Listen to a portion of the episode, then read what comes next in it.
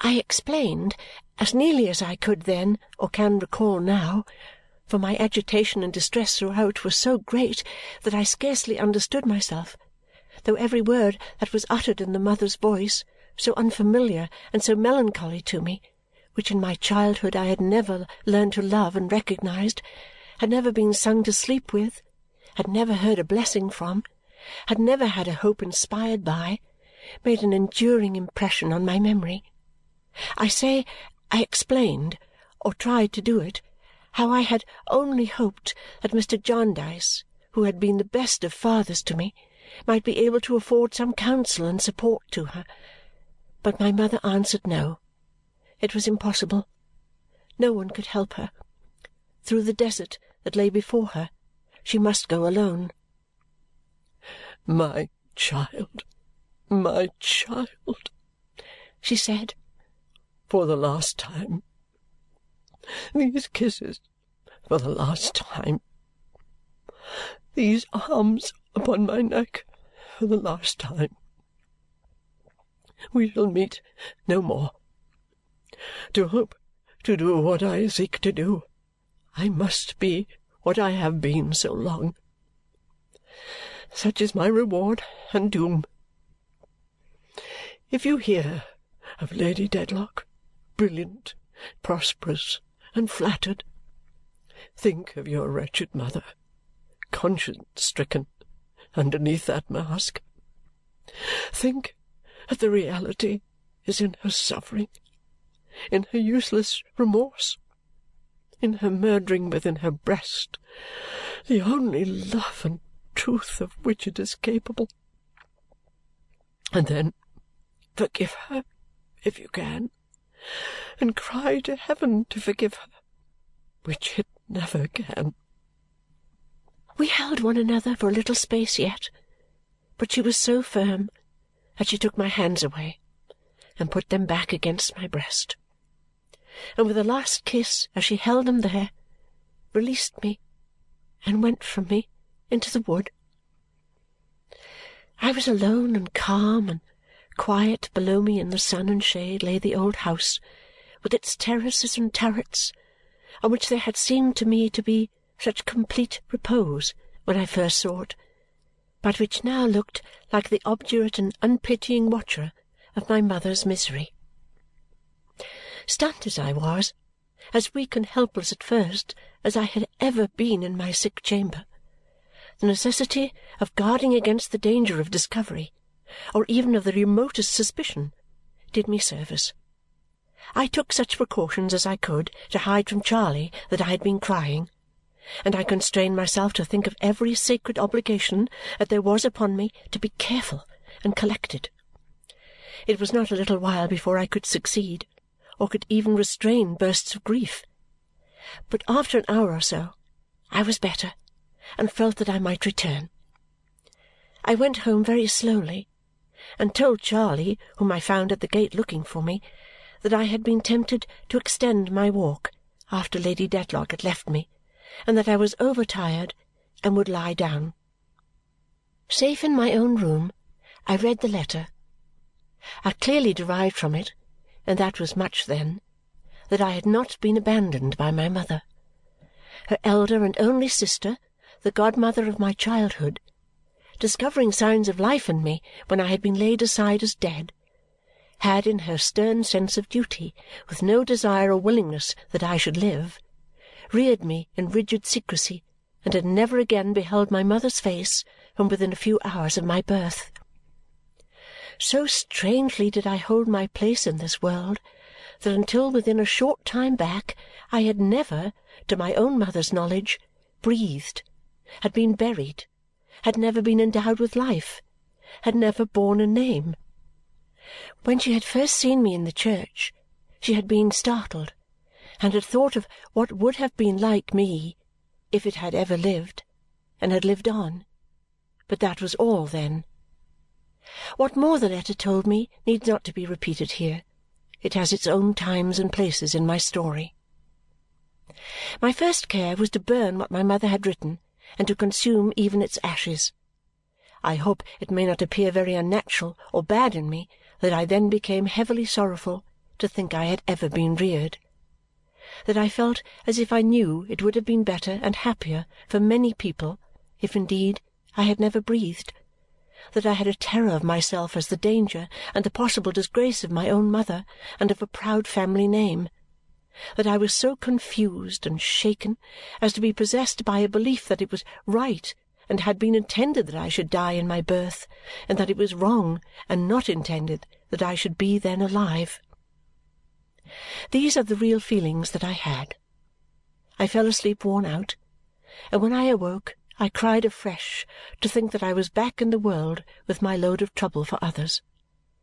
I was more than ever frightened of myself, thinking anew of her against whom I was a witness, of the owner of Chesney Wold, of the new and terrible meaning of the old words, now moaning in my ear like a surge upon the shore.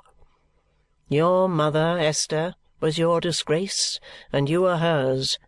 The time will come, and soon enough, when you will understand this better and will feel it too, as no one save a woman can. With them these other words returned. Pray daily that the sins of others be not visited upon your head.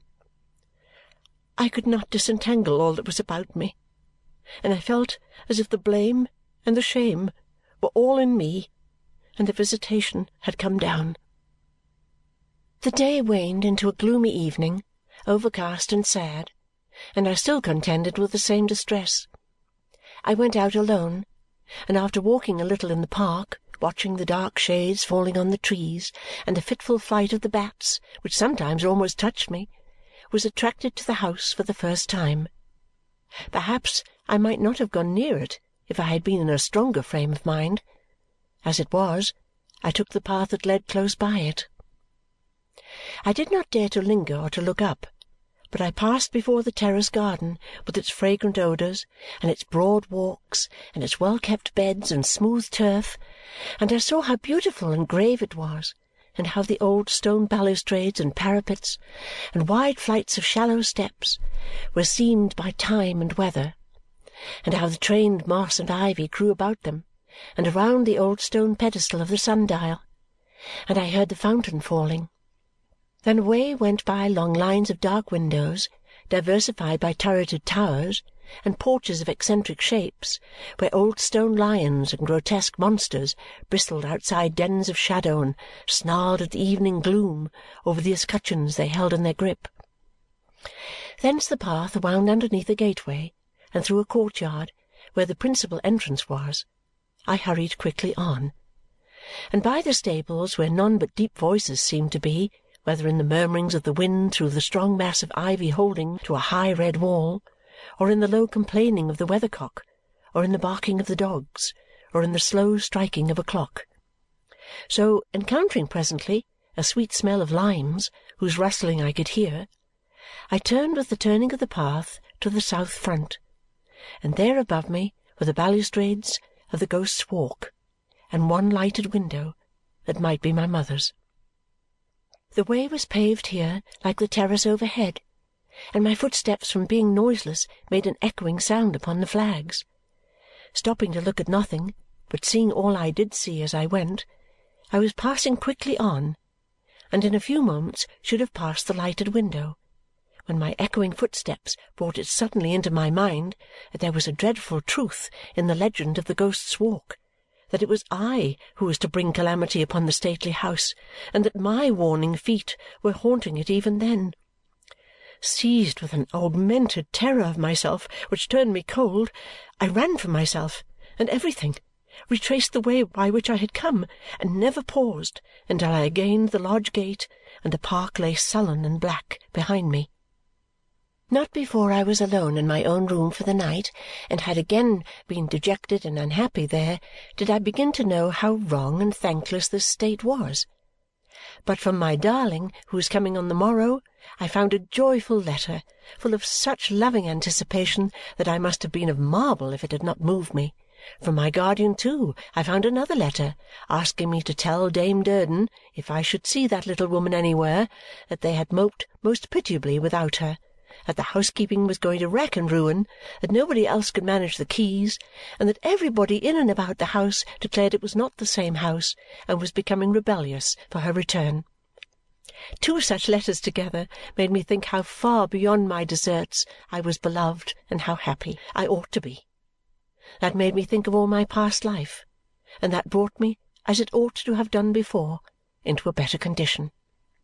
For I saw very well that I could not have been intended to die, or I should never have lived, not to say should never have been reserved for such a happy life. I saw very well how many things had worked together for my welfare, and that if the sins of the fathers were sometimes visited upon the children, the phrase did not mean what I had in the morning feared it meant. I knew I was as innocent of my birth as a queen of hers and that before my heavenly Father I should not be punished for birth, nor a queen rewarded for it. I had had experience, in the shock of that very day, that I could, even thus soon, find comforting reconcilements to the chains that had fallen on me. I renewed my resolutions and prayed to be strengthened in them, pouring out my heart for myself and for my unhappy mother, and feeling that the darkness of the morning was passing away. It was not upon my sleep and when the next day's light awoke me, it was gone. My dear girl was to arrive at five o'clock in the afternoon. How to help myself through the intermediate time better than by taking a long walk along the road by which she was to come, I did not know. So Charley and I and Stubbs, Stubbs saddled, for we never drove him after the one great occasion, made a long expedition along that road and back. On our return we held a great review of the house and garden and saw that everything was in its prettiest condition and had the bird out ready as an important part of the establishment.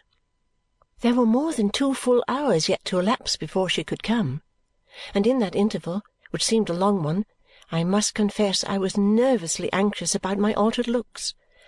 I loved my darling so well that I was more concerned for their effect on her than on any one I was not in this slight distress because I had at all repined I am quite certain that I did not that day but I thought, would she be wholly prepared? When she first saw me, might she not be a little shocked and disappointed? Might it not prove a little worse than she expected? Might she not look for her old Esther and not find her? Might she not have to grow used to me and begin all over again? I knew the various expressions of my sweet girl's face so well and it was such an honest face in its loveliness that I was sure beforehand she could not hide that first look from me. And I considered whether, if it should signify any one of these meanings, which was so very likely, could I quite answer for myself? Well, I thought I could. After last night, I thought I could. But to wait and wait and expect and expect and think and think was such bad preparation that I resolved to go along the road again and meet her. So I said to Charley, "Charley, I will go by myself and walk along the road until she comes." Charley highly approving of anything that pleased me, I went and left her at home. But before I got to the second milestone, I had been in so many palpitations from seeing dust in the distance though I knew it was not, and could not, be the coach yet, that I resolved to turn back and go home again. And when I had turned, I was in such fear of the coach coming up behind me, though I still knew that it neither would nor could do any such thing, that I ran the greater part of the way to avoid being overtaken. Then I considered, when I had got safe back again, this was a nice thing to have done. Now I was hot and had made the worst of it instead of the best. At last, when I believed there was at least quarter of an hour more yet, Charley all at once cried out to me as I was trembling in the garden, "Here she comes, miss! Here she is!" I did not mean to do it, but I ran upstairs into my room and hid myself behind the door. There I stood trembling, even when I heard my darling calling as she came upstairs, "Esther, my dear, my love, where are you? Little woman, dear Dame Durden!" She ran in and was running out again when she saw me. Ah, my angel girl! The old dear look, all love, all fondness, all affection, nothing else in it, no, nothing, nothing! Oh, how happy I was! Down upon the floor, with my sweet, beautiful girl down upon the floor too, holding my scarred face to her lovely cheek, bathing it with tears and kisses, rocking me to and fro like a child, calling me by every tender name that she could think of, and pressing me to her faithful heart